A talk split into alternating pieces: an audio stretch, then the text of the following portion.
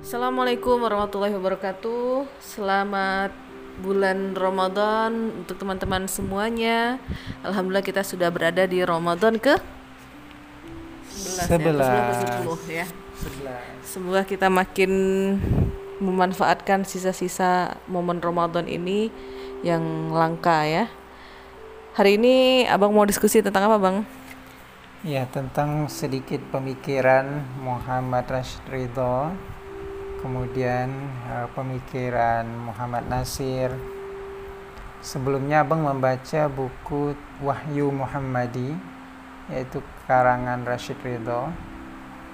Jadi Rashid Ridho itu mencoba untuk menyadarkan umat muslim agar mereka itu merujuk kepada Al-Quran dan Sunnah.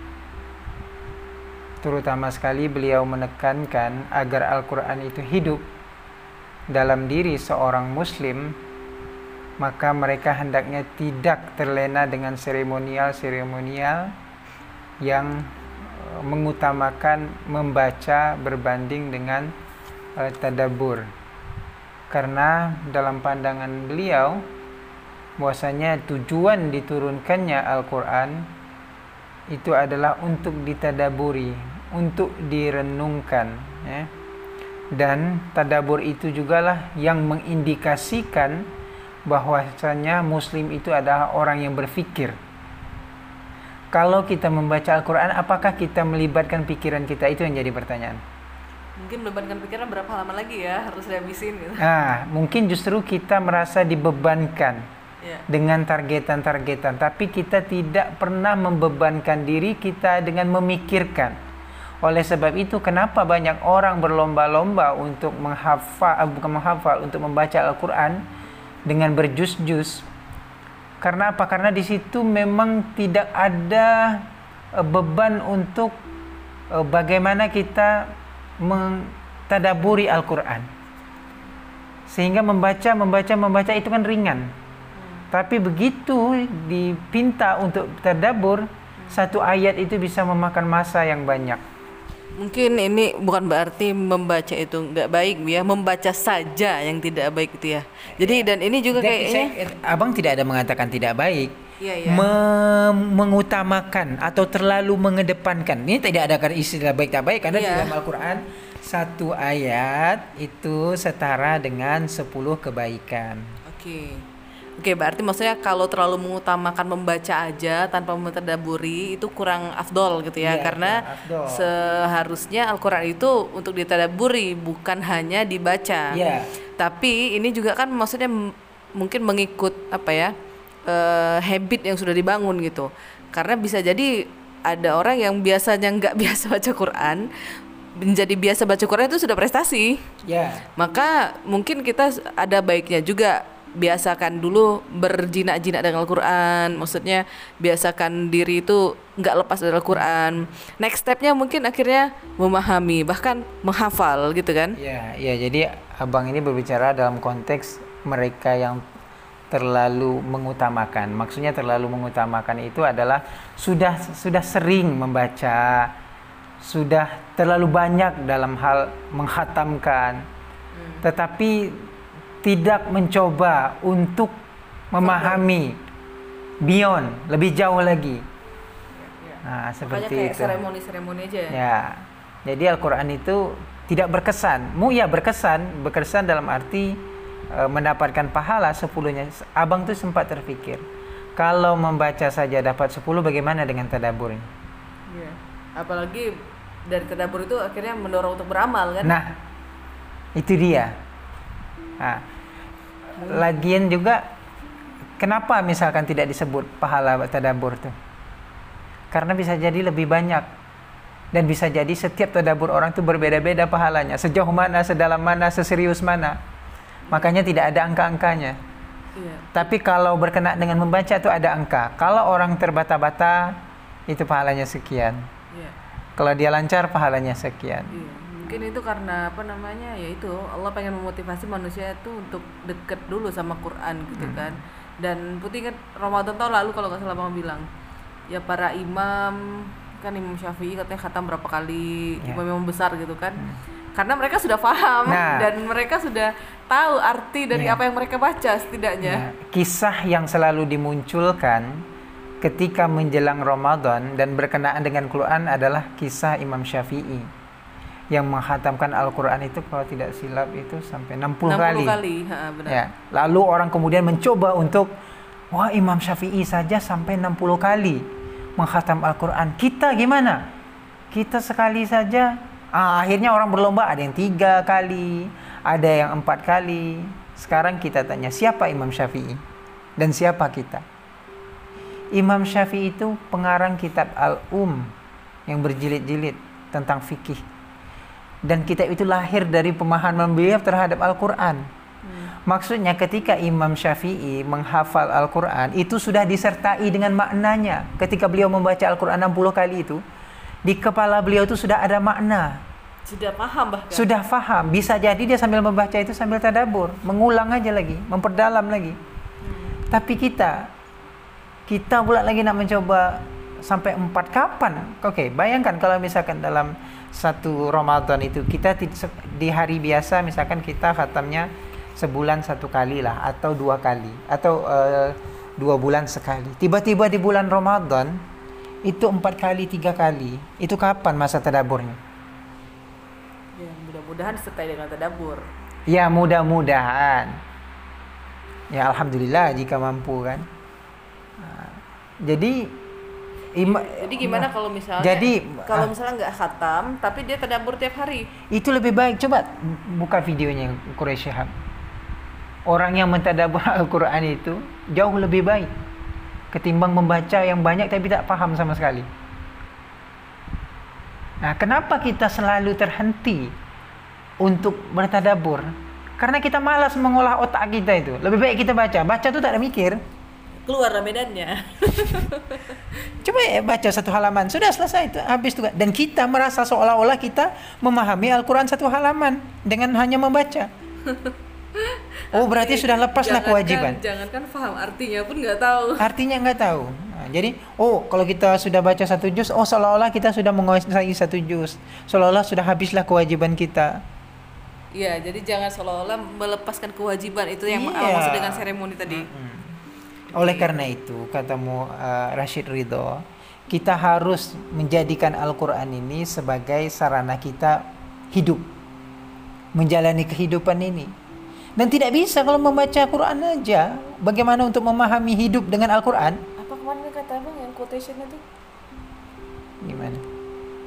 Nah, Yang kemarin beliau bilang kalau Imam Hasan Al-Banna mengatakan bahwasanya Al-Quran itu adalah the way of life maksudnya adalah dia segala sisi itu bahasa abang lah the way of life itu maksudnya segala sisi kehidupan itu berkenaan dengan Al-Quran apakah itu ekonomi berkeluarga bermasyarakat jual beli dan lain-lain semuanya berkaitan dengan Al-Quran iya. Nah, di situlah kita mungkin kalau kita berbicara masalah Al-Quran dan merujuk kepada tafsir, memang tak sempat langsung mau membaca sejus satu bulan pun. Kalau kita pergi ke tafsir, walaupun tafsir yang termudah sekali Ibnu Katsir. Belum lagi kita pergi ke tafsir yang lebih jauh. Mungkin akan kita kelelahan. Di situlah nampaknya kita itu sebenarnya memang mau menghindar dari Berpikir. berpikir coba kita diberi kesempatan ayo baca tafsir Ibnu Katsir mau nggak kita dalam bulan Ramadan ini oke kita fokus kepada tafsir Ibnu Katsir Hmm. mau nggak mungkin semuanya akan bukan menyerah kita tidak tahu eh, pribadi masing-masing tapi dugaan besarnya adalah tidak mau Hmm. Kenapa? Karena diharuskan untuk berpikir di sana. Diharuskan untuk merenung. Pertama, otak yang harus berjalan. Yang kedua, waktu yang harus Dan dikorbankan. harus fokus juga. Kalau nggak fokus mana bisa paham? Dan harus fokus. Nah, yang ada juga yang ternyata bukan hanya Rashid Ridho Oke. dan juga Muhammad Abduh sebelumnya. Bahkan di Indonesia sendiri pun mengatakan ah, dan juga bukan ah, Hasan Al-Banna yang mengatakan Al-Qur'an itu adalah uh, the way of life yang mencakup segala sisi kehidupan tetapi juga Muhammad Nasir. Oke, baik. Ber Sekejap. berkenaan pemikiran Muhammad Nasir kita pada part 2 ya. Ya bukan. Ini Kenapa? kita sedikit saja. Oh, nggak Uh, banyak. Muhammad Nasir ketika beliau memberikan kata pengantar buku Muhammad Nasir eh, bukan Abu Hamka ketika memberikan catatan tentang buku Muhammad Nasir yang berjudul Kapita uh, Selecta. Apa tuh artinya? Itu kumpulan dari tulisan-tulisan uh, Muhammad Nasir yang dihimpun ya menjadi satu. Apa kata uh, Buya Hamka Memberi sambutan ya. memberi sambutan buku ini katanya Muhammad Nasir berpendapat kata Hamka Islam bukanlah semata-mata suatu agama tapi adalah suatu pandangan hidup yang meliputi soal-soal politik ekonomi nah ada kata yang menarik di sini Bu pandangan hidup kalau dalam bahasanya al atas itu adalah world view Iya. jadi Islam sebagai pandangan hidup itu world view of Islam. Cuman al atas nanti dia uh, fokus kepada term-termnya nanti untuk supaya umat muslim itu strong terhadap terminologi itu. Oke, baik kita kepada yang tadi. Muhammad Nasir berpendapat kata Hamka, Islam bukanlah semata-mata suatu agama, tapi adalah suatu pandangan hidup yang meliputi soal-soal politik, ekonomi, sosial, dan kebudayaan.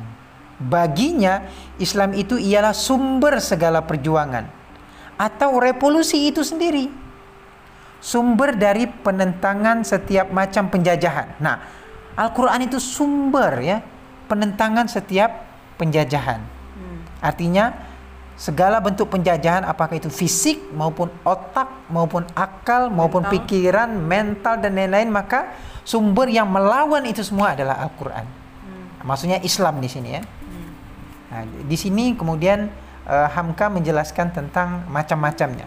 Eksploitasi manusia atas manusia Dia maksudnya eh, yang ditentang oleh Islam. yang ditentang oleh Islam ya. Jadi kita tidak boleh mengeksploitasi kemudian merendahkan atau menjahanamkan manusia, merugikan manusia.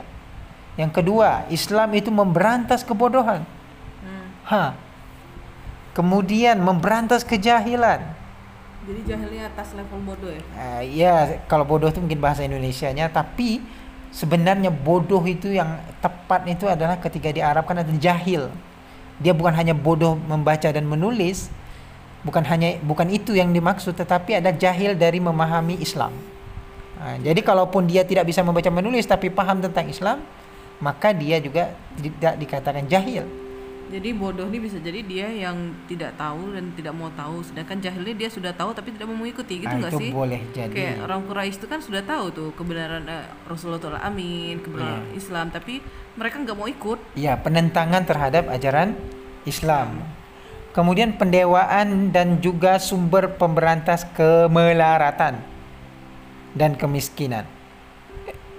Ah, Jadi di sini ini pendewaan belum eh, nggak tahu apa yang di- beliau maksud, tapi kita pergi kepada bahwasanya Islam adalah sumber pemberantas kemelaratan dan kemiskinan.